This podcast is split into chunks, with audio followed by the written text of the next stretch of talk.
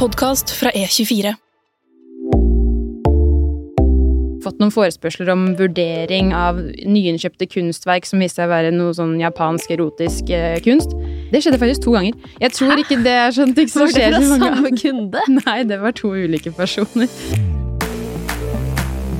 Ukens gjest begynte egentlig på Norges handelshøyskole mest for å være med i revyen deres, men underveis fant hun ut at finans virkelig var noe for henne. Hun har gjort rakettkarriere i næringslivet, og som 31-åring ble hun finansdirektør i solcelleselskapet Otovo, før hun gikk videre til administrerende direktør i datterselskapet deres. Velkommen til Voksenpoeng med meg, Nora Rydne, og velkommen i studio Cecilie Weltz, administrerende direktør i Edea. Tusen takk for invitasjonen, Nora. Er du klar for tre kjappe voksenpoeng? Absolutt. Hva er det beste du har gjort for eh, karrieren din?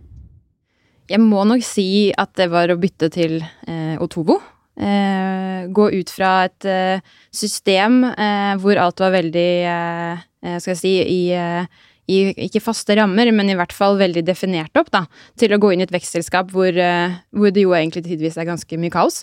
Det gjør jo at man får utvikle seg veldig mye også. Så i løpet av de første tolv månedene i Otovo så ja, så hentet vi jo penger til, eh, til leasingselskapet DA. Eh, tok selskapet på børs, bygget opp en finansfunksjon. Eh, vi fikk lansert et leasingprodukt. Ja, det var mye som skjedde.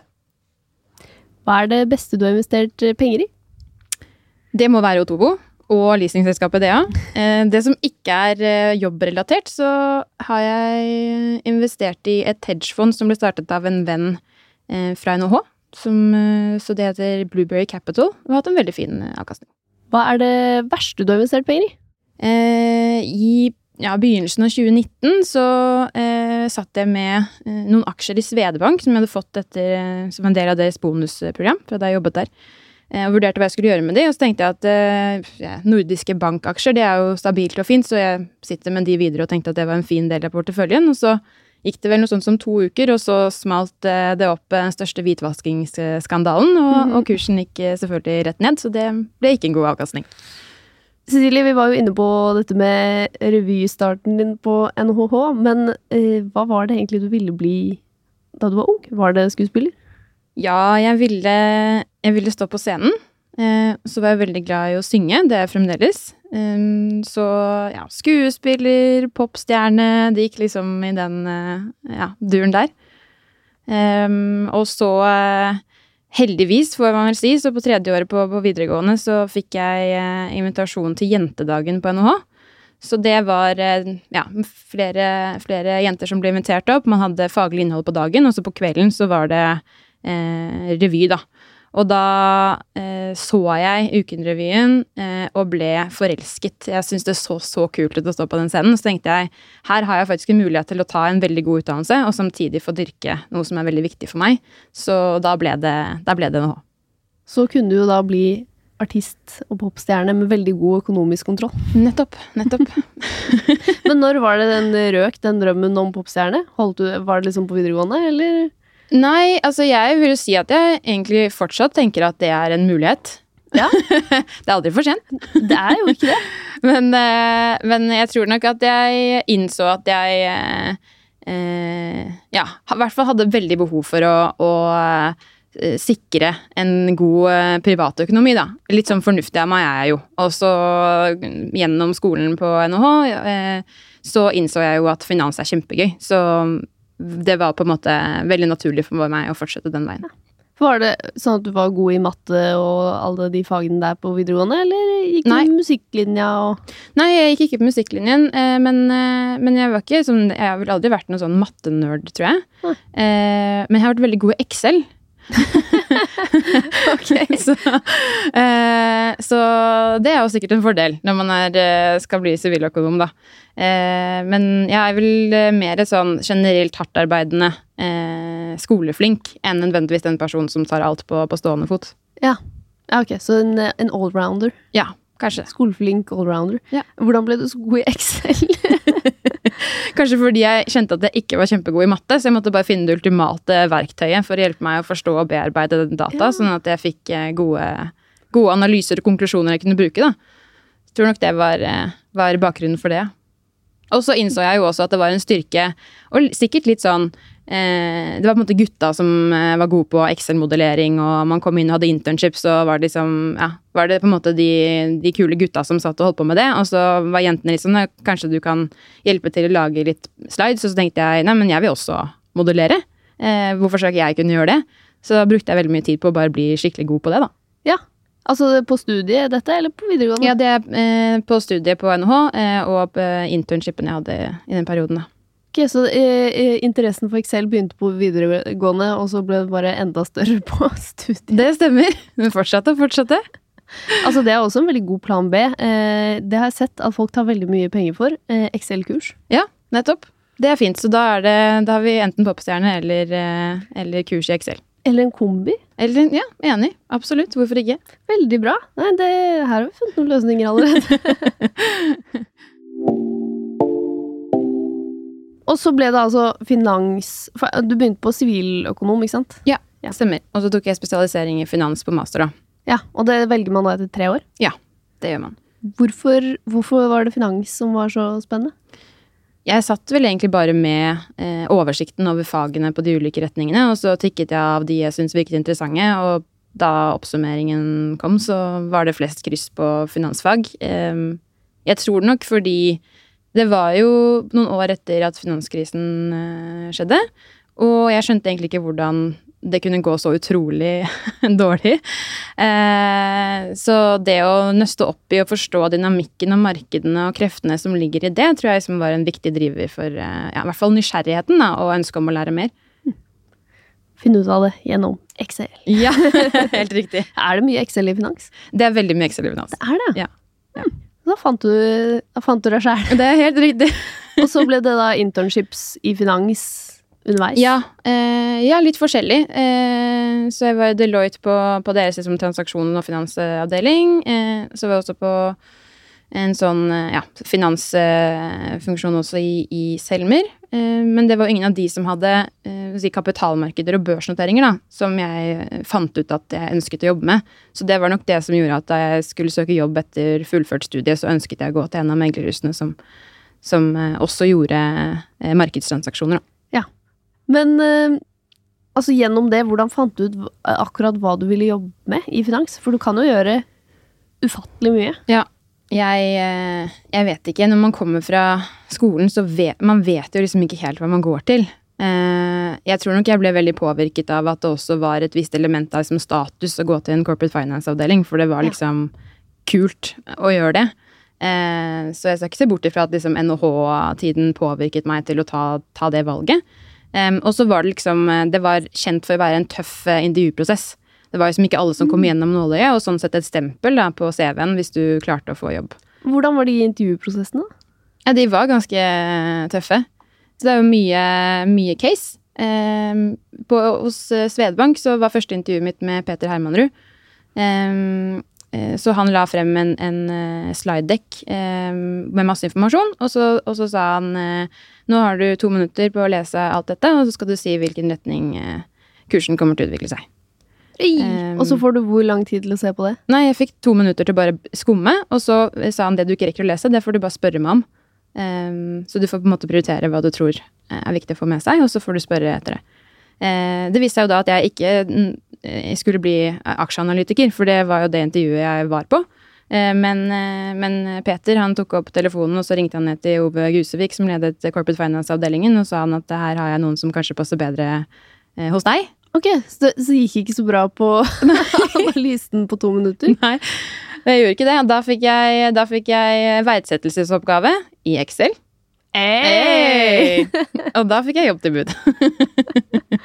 Men du, du, ville først faktisk bli eh, aksjeanalytiker? Nei, jeg visste ikke at det var det. Altså, Så lite visste jeg, da. Jeg søkte, jeg så Svedbank utlyser uh, trainee-stilling. Oh, ja. God stemning, jeg søker på det. Og så endte jeg opp i den analyseintervjusituasjonen. Men jeg tenker det kan ikke ha vært helt krise, for jeg fikk jo faktisk neste intervju for en annen jobb, vel å merke. Men, ja. men, i samme system, så, så, sånn sett så Ja, det ble jo bra til slutt. Du kan for så vidt ikke ha driti deg totalt ut, da. Jeg, jeg tenker at ja. Nei, det, det var nok sikkert greit. Men hva sa Peder Hermanrud? Var han bare sånn Jeg er ikke imponert. Ja. jeg tror han sa Jeg tror faktisk ikke han sa så mye. Han, sa, han takket for tiden litt tidligere enn det jeg hadde tenkt. Og så Ja. Så gikk jeg hjem.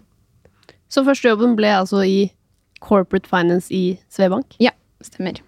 Og da gjør man hva? Da eh, er man rådgiver både for selskaper som eh, si, ønsker å kjøpe eh, andre selskaper, eh, eller eh, man kan være rådgiver når noen ønsker å selge selskapet sitt, så da representerer du på en måte selgersiden. Um, og så er man også en, og er rådgiver for selskaper som ønsker å gå på børs. Så det er kapitalmarkedstransaksjoner. Um, og i Svedbank så var også da obligasjoner en del av, av denne avdelingen, da. Så da uh, bistår man på å hjelpe selskaper å hente inn gjeld ved å utstede uh, obligasjoner, da. Men der trivdes du? Ja, veldig godt. Veldig godt. Um, jeg, men altså, det er jo uh, jeg opplevde i hvert fall at det var et element av FaceTime for å lykkes på, på Corporate Finance. Og det var liksom om å gjøre å klokke, logge flest timer på, på kontoret. Um, og jeg er på kontoret, ikke med kunder? Nei, altså jeg var jo ikke veldig mye ute med kunder som første år på, på, Corporate Finance. Da blir man jo mer eh, på en måte, Man gjør analysearbeid og man prepper eh, andre til å gå i møtene. Og så får man selvfølgelig være med etter hvert, men i begynnelsen så handler det jo mer om å, å støtte resten av teamet, da. Um, så, men jeg jobbet jo liksom godt over to årsverk på et år. Um, og ah, ja. uh, var jo online basically hele tiden. Jeg jobbet nesten Jeg husker på et eller annet tidspunkt så ble jeg veldig fokusert på å bruke uh, færrest mulig timer og tid da, på andre ting, sånn at jeg bare kunne optimalisere tiden jeg var på kontoret. Um, som jo egentlig er et veldig ineffektivt fokus, for det handler jo mye mer om å levere kvalitet til det man gjør, enn å sitte mest mulig på kontoret. Ja, for hva dropper man da? Nei, da blir det jo mindre trening, mindre søvn, mindre sosialt med venner. Eh. Du ble ikke lei? Var det liksom så gøy med Excel?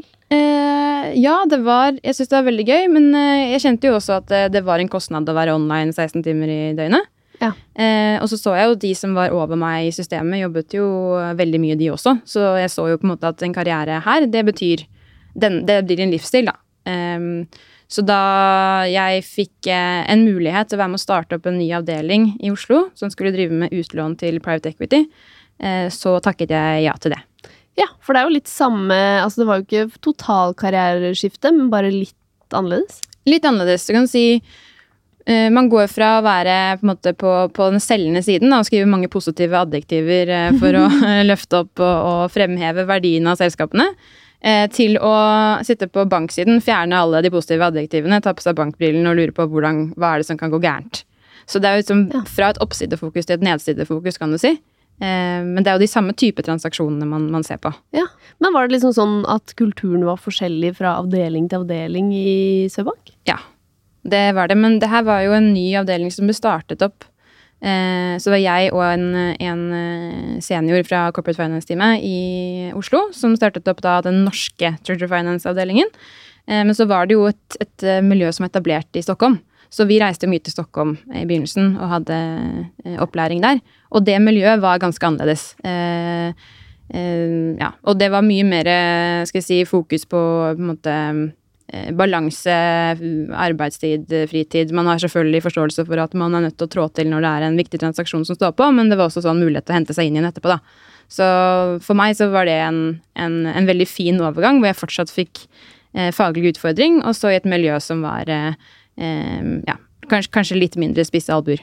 Ja, Litt mer laid back. Ja, for er det sånn at man sitter på kontoret ikke nødvendigvis for å jobbe, men bare for å vise at man er det? Ja, det er jo på, på ytterste instans, ja. Men, eh, men eh, nei, man jobbet jo alltid, men det var ingen motivasjon, husker jeg, da. Det var ingen motivasjon i å skynde seg å gjøre oppgaven ferdig. Nei, fordi det var ikke noe vits. Man måtte sitte der uansett. Ja, du fikk i hvert fall veldig mye ut av å sitte der uansett. Interessant. Så var det liksom en del av uh, at du ble liksom løftet videre til den andre delen i Sørbank. Eh, du hadde ikke blitt det hvis du ikke hadde vært der. Ja, det, ja, det, det er, nok, eh, ja, det er nok sant. Um, og så tror jeg på en måte Nå setter jeg det fryktelig på spissen, ikke sant. Man, uh, man er jo selvfølgelig på jobb og uh, ønsker å bidra og si ja til alt og få være med på utrolig mye spennende. Som gjør at man må jobbe lange dager. Og så kunne man jo kanskje sagt nei til noe eller ikke rukket opp hånden når noen spurte. Men som ny i arbeidslivet så kjente jeg jo også bare på det at eh, nå må jeg på en måte bare gønne på. Nå må jeg si ja til alt og være med på alt. Og det betyr eh, mange timer på kontoret. Eh, og håpet jo at det selvfølgelig skulle føre til at jeg kunne også gjøre en på en måte rask karriere i systemet, da. Um, og det, det førte det jo til. Ja, så at du kunne slappe av litt senere. Ja, ikke sant? Så du ville gjort det igjen. ja, jeg ville gjort det. igjen. Absolutt. Og så eh, denne litt chillere nedsidedelen. Ja. Det var den siste jobben du hadde i Corporate Finance, eller? Ja, det var eh, siste Så jeg var jo Ja, det er på en måte corporate finance og den utlånsdelen structured finance. Begge tilhører på en måte in investeringsbanken til Svedbank. Um, så det var jo innenfor samme miljø. Um, og totalt så var jeg da i Svedbank i tre år. Um, og på utlånssiden så fikk jeg jo en, eh, en på en måte eh, lære meg skal vi si, bankfaget. Som jo er at eh, det hjelper jo ikke banken noen ting om selskapet går kjempebra. Fordi det beste som kan skje i banken, er jo at du betaler renter og avdrag. Så det var jo da å finne på en måte alle feil og alle mangler og alle risikoelementer da, i hvert eneste case. Og så satt nok jeg og tenkte litt sånn åh, det, men hvis man bare skrur på denne og denne knappen, så kan man på en måte få bedre lønnsomhet, og det caset det er lagt opp til, hvorfor er det ikke større internasjonal vekst? Og liksom satt og stilte disse spørsmålene. Um, og så innså jeg at uh, en jobb hvor man kunne stille disse spørsmålene og faktisk gjøre noe med det, det var jo på andre siden av bordet. Det var jo på private equity, på eiersiden. Ja. Så da um, eh, lærte jeg meg på en måte bankfaget, som jeg syns var veldig gøy, og som har hjulpet meg veldig mye senere også. Eh, og så tok jeg med meg det, og så hoppet jeg over på, på private equity-siden etterpå. ja. Og da gikk du til? Verdane. Og Verdane er eh, private equity, altså et oppkjøpsselskap? Ja, som fokuserer på teknologi, teknologidrevet vekst eh, i Nord-Europa, har det blitt nå. Mm. Hvordan kapra du den jobben, da? Eh, nei, si det. Eh, Excel-modell, nå. Jeg skriver CV-en min i Excel, er det Ja. ok? Nei, men det var, eh, det var case-runder og eh, ja, god forberedelse, og så eh, husker jeg at jeg hadde et uh, siste intervju med, med Bjarne Lie, som, som er sjefen der, og som startet uh, det, Um, hvor han sa 'hvorfor har du så dårlig karakter i matte fra videregående'? Å, han var tilbake der, ja, ja. og da var vi helt tilbake der. Og da skjønte jeg litt sånn Oi, nei, uh, uff, det var, det var litt skummelt. Så sa jeg jo bare at det er, handler jo veldig mye mer om hvordan man utvikler seg, og selvfølgelig hvilke opplevelser og erfaringer man tar med seg eh, i arbeidslivet og gjennom skolegangen, eh, som man kan bruke for å gjøre en god jobb. Da. Og det mener at det teller mye sterkere enn hva som står på karakterkortet. Det virker som han slo seg til ro med den eh, forklaringen, eh, men, eh, så da fikk jeg jo jobbtilbud etterpå. Men eh, det viser jo også det eh, at eh, ja, det, det lønner seg jo å stå på hardt og få de si, gode karakterene. Og når man, eh, når man ikke får det, så, så, er det ikke, så er det ikke sikkert at du klarer å lande den drømmejobben. Da. Så sånn sett så var det også en slags eh, en bekreftelse på at det å stå på gjennom, gjennom skoletiden, det var jo verdt det. Mm. Du fikk redda deg på gode NHH-karakterer. Det er helt riktig. Men også beroligende på en måte at man trenger ikke nødvendigvis å ha de beste karakterene fra videregående. Helt klart. Kan hente det inn igjen Ja. i Excel. Ja, I Excel. Men eh, vi har jo hatt veldig mange i studio her som har liksom vært i finans eh, lenge. Mm. Og så har det skjedd en del endringer Ja. eh, med at man f.eks. vil ha flere kvinner. Men så tenker jeg, når du sier sånn 16 timers eh, jobbekultur og FaceTime og sånt, er det bedre, tror du, nå? Eh, Så likestillingsmessig på jobb i finans, eller eh, er det fortsatt noe jobb å gjøre? Da jeg kom inn, så var jo sjefen for investeringsbanken var en kvinne. Eh, sjefen for eh, eh, Equity Capital Markets, det er liksom børsnoteringsdelen, eh, var kvinne. Og administrerende direktør i Norge var kvinne. Så det var eh, flere sterke, gode kvinnelige eh, forbilder i banken for unge som kom inn, som jeg syntes var kjempebra.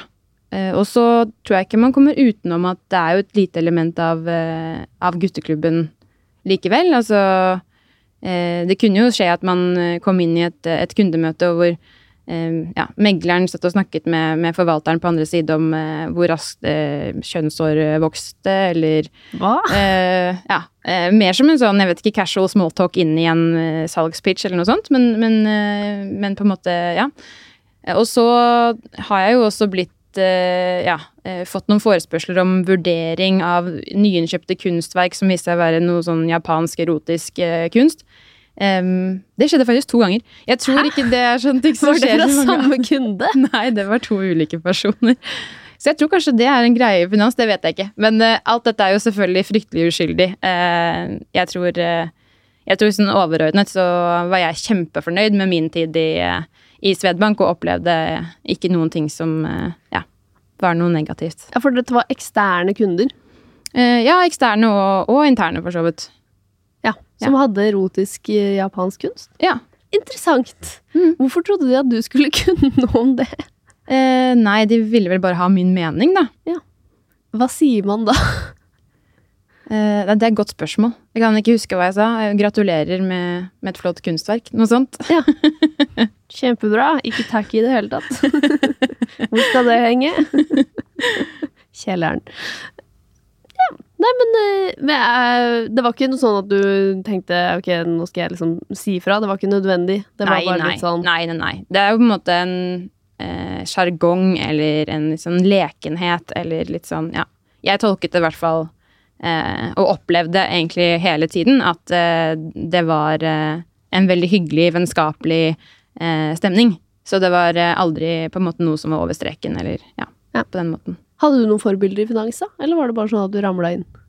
Um, jeg tror jeg ramlet litt inn, men jeg eh, syns jo Harald Magnus Andreassen eh, var jo på en måte en, en, og er, en person som er tydelig i mediene og, ehm, og har mye fornuftig å komme med. Så jeg var litt starstruck da jeg traff han eh, første gangen. Syns det er veldig kult å starte i, i samme bank som han. Ja.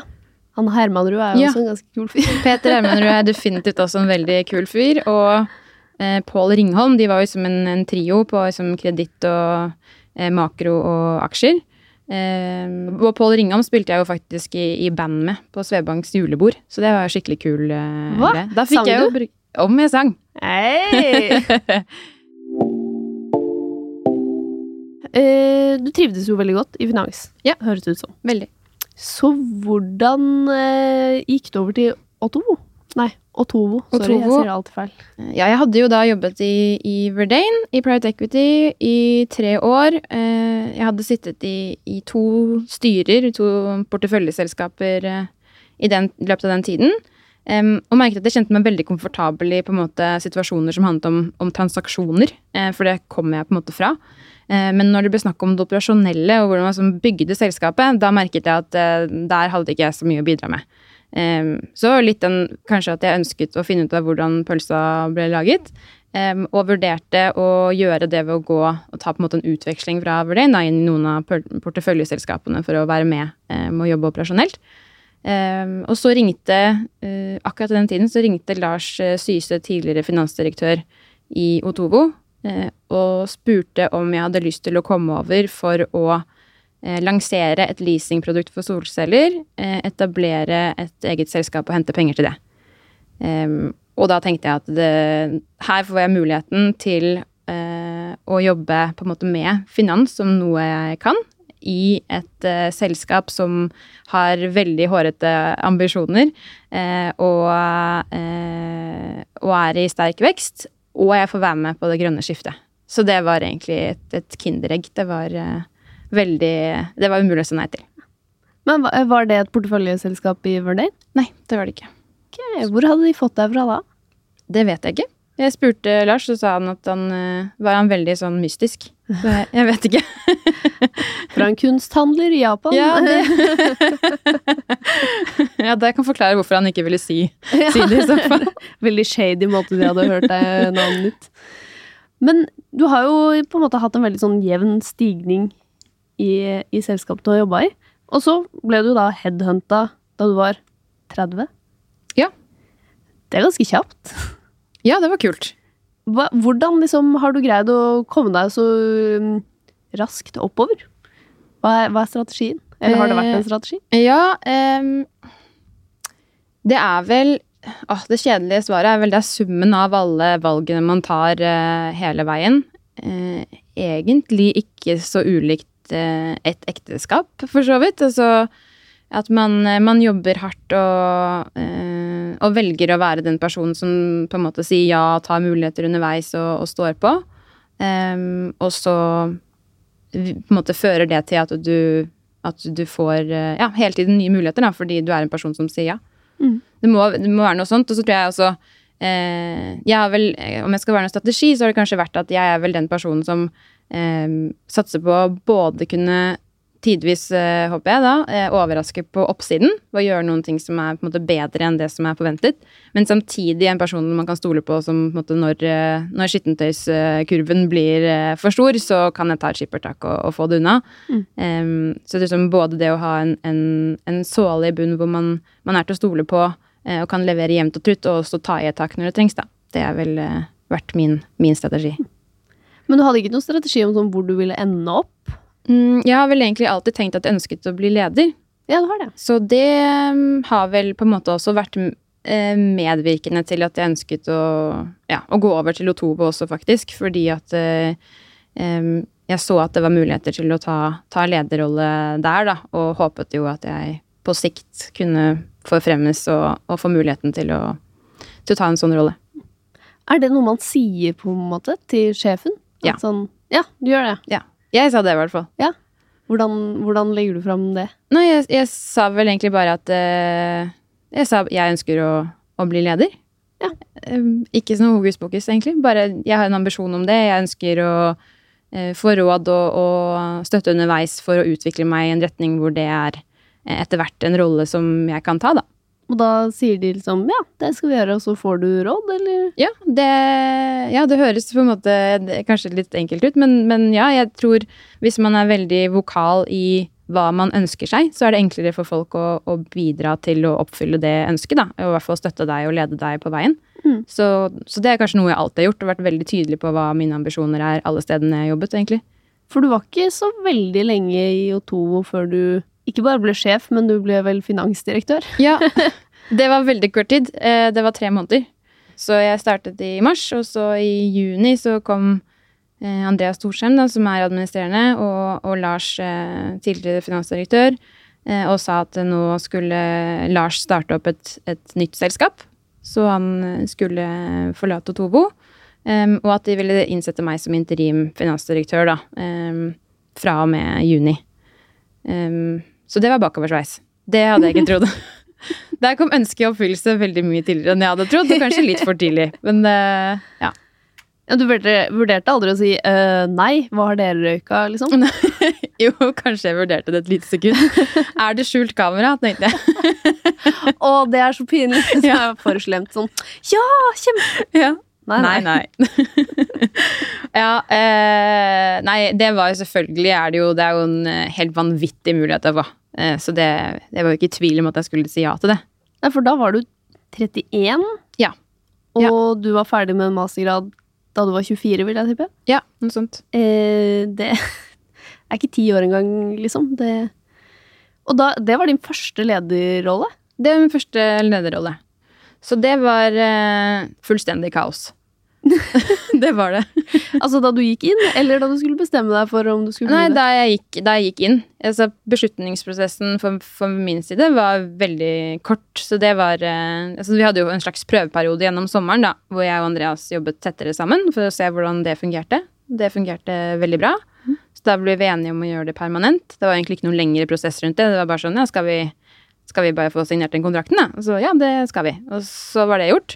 Eh, men, eh, men det var en kaotisk tid, fordi det var eh, Altså, Otovo vokser jo helt enormt mye. eh, og det betyr jo også at man ryker på noen voksesmerter eh, fra tid til annen. Eh, så dette var en periode hvor, hvor vi var midt oppi å hente kapital til EDEA, leasingselskapet. Jeg tok over et sånt IT-implementeringsprosjekt. Eh, jeg, vi eh, etablerte Otovo i eh, Polen og Italia. Um, og så uh, sluttet regnskapssjefen, um, så vi hadde vært tre på finans, og plutselig var det bare meg igjen. Yeah. Så da Ja. Da ble det ganske mange turer, timeouts og, og turer frem og tilbake i Torgata for å bare puste ut og ja, uh, hente seg inn igjen. For okay, det er det som er liksom heftig. Det stress Du setter deg og mediterer, du må gå rundt i byen. Det er riktig, Jeg må trave rundt. det er helt riktig. Hvor lenge foregår det? Eh, Nei, jeg tar kanskje en kvarters, eh, en kvarters tur, da. Det må ikke være så lenge. Men bare for å lufte meg til liksom, løfte blikket, ikke bli sugd inn i alle de små problemstillingene som kan virke veldig store og alvorlige når man sitter midt oppi det, men som i det store bildet jo egentlig ikke er noe problem, da. Så klare å liksom tenke resette seg, da. Eh, så tar jeg en sånn liten tur. og da går du og tenker på, på jobb? Eh, går egentlig og tenker ikke vær stressa. Ikke vær stressa. Dette ordner seg. Pust dypt. eh, skal jeg kjøpe en kaffe? Altså, det, men ja, nei, jeg er ikke veldig Det er helt ærlig, nå er jeg veldig åpen, da, men det er, sånn, det er litt sånn mental breakdown-situasjon, hvor man på en måte jeg bare går, og så først så er jeg skikkelig, skikkelig stressa og tenker bare at jeg må prøve å roe meg ned. Eh, og etter hvert som jeg går, så kommer pulsen ned, og så eh, kan jeg på en måte kutte i jobbtankene og bare gå litt, og så gå tilbake igjen. Ja, Og da føles alt mye lettere? Ja. Plutselig? Ja. Det må jeg teste en gang. Ja, det anbefaler jeg. Men da, hvor lang tid tok det før du følte at du hadde kontroll? da? Eh, Jeg tror det gikk eh, seks måneder, så jeg tror jeg sa til Andreas en gang, gang i november at eh, ah, nå, nå begynner det å kjennes som at ting går lettere. Nå, da hadde vi jo eh, bygd opp en ny finansfunksjon, så jeg hadde rekruttert eh, konsernregnskapssjef, regnskapsmedarbeider og to forretningsutviklere. Og så hadde vi eh, rekruttert i ledergruppen eh, Lars Ekeland eh, som legal counsel, som hadde advokatbakgrunn. Da var det mange veldig flinke folk som, som gjorde at vi klarte å måte få, få den kontrollen vi trengte. Og da var det bare å starte på børsnoteringsprosessen. Men det gikk du inn i med som selvtillit? Ja, ikke absolutt. like mange eh, stressturer i Torgata? Nei, det var, eh, det var veldig bra. Nei, det var faktisk Det var ingen stressturer i Torgata under børsnoteringsprosessen. Hva lærte du av uh, han tidligere finansdirektøren, da, mens dere fortsatt jobba sammen, før du ble liksom skjøvet ut på åpent hav alene? Eh, jeg tror at en av de tingene som jeg satte mest pris på med, med Lars Syse, det var eh, evnen hans å bare lytte. Um, og i hvert fall som leder så tror jeg det er superviktig at man tar seg tid til å bare sette seg ned og ikke nødvendigvis kommentere på alt det medarbeiderne dine sier, men, men rett og slett bare tar det, tar det inn og absorberer det. Uh, og um, Så det var jo noe som jeg tok med meg videre da jeg tok over den rollen, da. Å forsøke å være tilgjengelig eh, og, og lytte til, til eh, medarbeiderne mine. Var det bare du som var nervøs da du tok over den rollen, eller eh, har det kommet fram i ettertid at det var noen andre som satt og mm, fulgte litt spent med? Eh, det er ingen som har sagt det til meg, men det ville overraske meg hvis ingen andre var nervøse. Men har du hørt noe fra sånn hva de tenkte? Sånn eh, eh, Hvorfor skal vi satse på Cecilie? Hvorfor skal vi ikke gå for noen som er eh, mer erfarne? Eh, det er jo et veldig godt spørsmål, men det, nei, vi har aldri diskutert det, og jeg har vel egentlig aldri stilt spørsmålstegn ved det heller. Og så fra jeg på en måte sa ja til å ta den rollen, så, så var det en rolle jeg hadde. Så da eh, Hvis noen andre hadde noen spørsmålstegn da, så var det på dem. Skulle du ønske da, at, gått, eh, at du hadde gått en slakere bakke, eller er det en rute du vil anbefale? Eh, og det er så liksom, I retrospekt, så når man har vært igjennom det, og man har lært så utrolig mye, så tenker man jo at fy fader, det så kult det var. Eh, og så stolt jeg er for at liksom eh, jeg klarte å komme, komme helskinnet ut på andre siden. Eh, men da det sto på, så, så skulle jeg nok sikkert gjerne ha vært i Otovo eh, noen måneder til, i hvert fall, før, eh, før jeg tok over den rollen. For det er jo noe med at liksom eh, kjenne selvsikkerheten også i å kjenne systemet og selskapet godt fra før, da. Så hvis jeg skal måtte, komme med en anbefaling, så ville det nok være å måtte, jobbe gjerne et år eh, under eh, en dyktig eh, finansdirektør. Lær deg hvordan gjør det, og så ta over jobben etterpå. Og nå er du jo da administrerende direktør. Ja. Var det like sånn bakoversveis da, eller var det litt sånn Og jeg er greit finansdirektør, så ja, eh, faktisk så hadde jeg jo dobbel rolle. Eh, så jeg er både finansdirektør i Otovo og administrerende i EDEA eh, fra i fjor sommer. Så eh, for meg så var dette egentlig mer fortsette mye i samme spor, men, men en kjempeglede i å kunne fokusere på å utvikle på en måte den ene rollen, da, og rendyrke det. Så uh, Edea er jo et, uh, et selskap som uh, ja, har, har, definitivt like hårete mål som Otovo. og Vi skal bygge en, en leasingportefølje på 1 milliard innen 2024. Eh, vi har masse operasjonelt å jobbe med. Vi skal få ut nye produkter på leasing. målet mitt er jo at man skal kunne lease solcelleanlegg, så kan man legge til batterier senere, elbilladere osv. Så, videre. så det å kunne jobbe nå måte 100 eh, med å utvikle det selskapet, det, det syns jeg er utrolig gøy. Og målet der er eh, å utvide det? Ja. Og bli enda større i enda flere markeder? Absolutt. Så vi er eh, Otovo er til stede ja, nå snart i syv markeder. Så det er Norge, Sverige, eh, Frankrike, Spania, Polen, Italia eh, og nå Tyskland som neste marked. Eh, og Edea skal være til stede i alle de markedene også. og etableres også i Tyskland nå. Så det er utvikling av leasingproduktet, gjør det enda mer attraktivt for, for sluttkundene. Um, og så handler det jo også om Dette er jo et selskap som er veldig kapitaltungt. Så her handler det jo mye om å optimalisere kapitalstrukturen. Så for sånn indre, eh, indremedisin eh, så er det jo eh, jobbe operasjonelt med å effektivisere prosessene våre. Det går jo mye i fakturering og den type ting. Um, og så sørge for at vi kan hente kapital da, på stadig bedre vilkår, som på en måte blir mitt hovedfokus. Hva har du kommet fram til at det er dine sterke sider eh, som leder? Jeg bryr meg jo veldig om andre mennesker. Det tror jeg absolutt er en, styrke. Jeg ønsker at folk skal ha det bra på jobb, at de skal være motiverte. Så jeg jobber veldig mye med eh, å sørge for at, ja, at teamet mitt er motivert.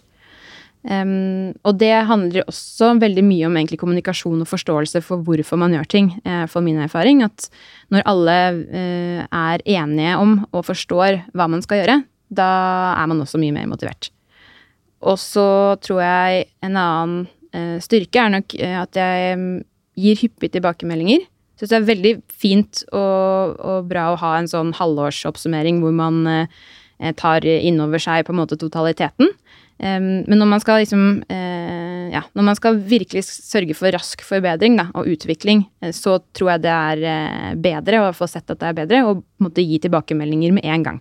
Både hvis det ikke var som forventet, og selvfølgelig hvis det var bedre enn forventet. Så du er komfortabel med å gi negative tilbakemeldinger? Ja. Og jeg ønsker at de skal komme tilbake også, så vi ikke, ikke at det bare går én vei, men at man er trygge på at man kan gi tilbakemeldinger både ned på en måte, i organisasjonen og oppover. da. Ja. Så at alle kan utvikle seg og bli bedre, da, da tror jeg man, da blir det best. Så du er også komfortabel med å få Får du det? Negative tilbakemeldinger? Ja.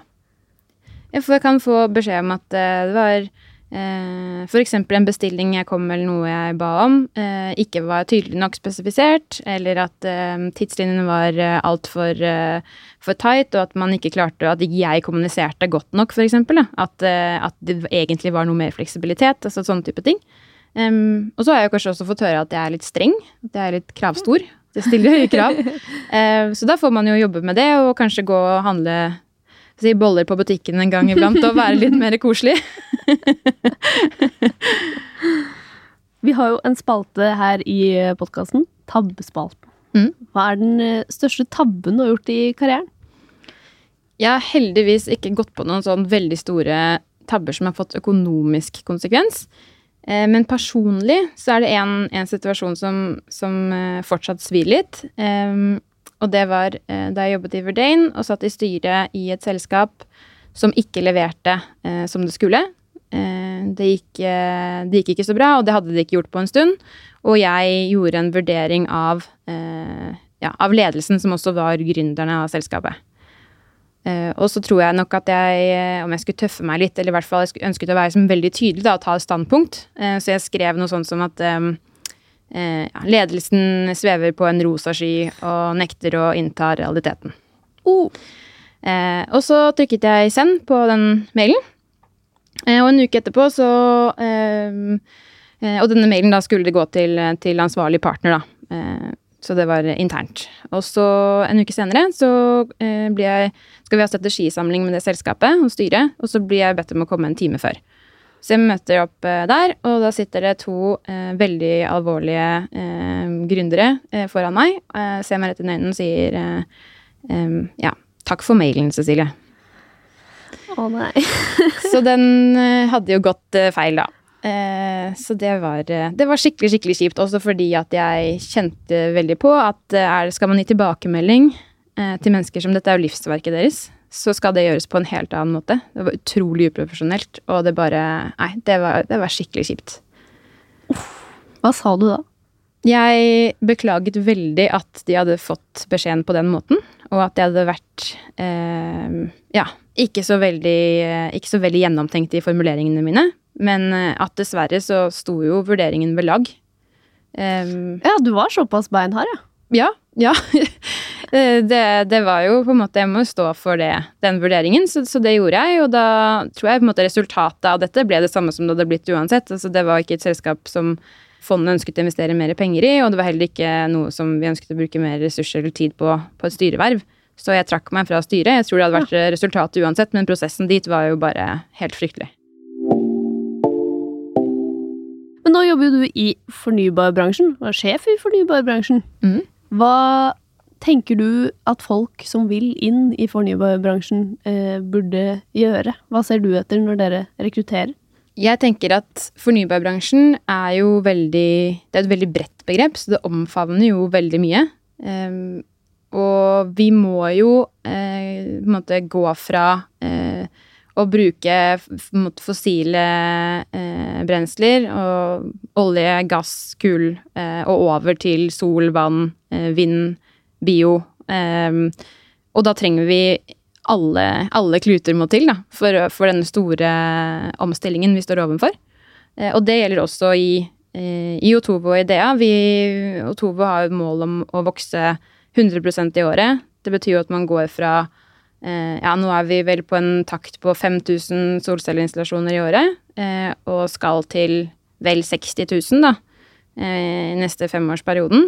Eh, Og det trenger vi jo folk hele, hele, over hele linja da, til å realisere. Og det betyr folk som er gode på salg, eh, markedsføring, eh, de som kan eh, operasjonell gjennomføring og, og effektivitet eh, i prosesser. Trenger finans og regnskap og eh, de som er gode med Excel, og de som ikke er gode med Excel. Så jeg tror, eh, jeg tror det finnes utrolig mange muligheter eh, i, i fornybarbransjen, egentlig uansett hva slags bakgrunn man har.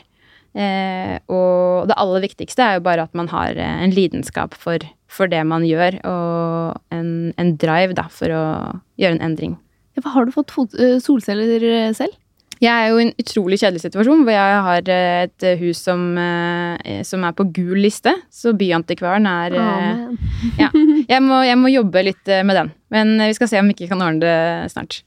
Helt til slutt, eh, Cecilie. Hvis du kunne reist tilbake i tid og gitt eh, 20 år gamle deg selv et råd, hva ville det vært? Ikke vær, eh, ikke vær så ydmyk. Eh, Kjør på. Ikke vent på å bli spurt om hva du synes. Eh, Si din mening, eh, og ja, tør å, tør å trå feil. Man gjør feil hele tiden, men eh, eh, det verste man gjør, er å ikke prøve. Og sende feil e-post. Eh, Ja. Tusen takk for at du kom hit i dag, Cecilie Weltz, altså administrerende direktør i EDEA. Tusen takk for at jeg fikk komme. Produsent i dag det var Sunniva Glessing, og hvis du vil lese skoledagboka til Cecilie, eksempel, så må du gå inn på Instagram. Der heter vi Voksenpoeng med Nora.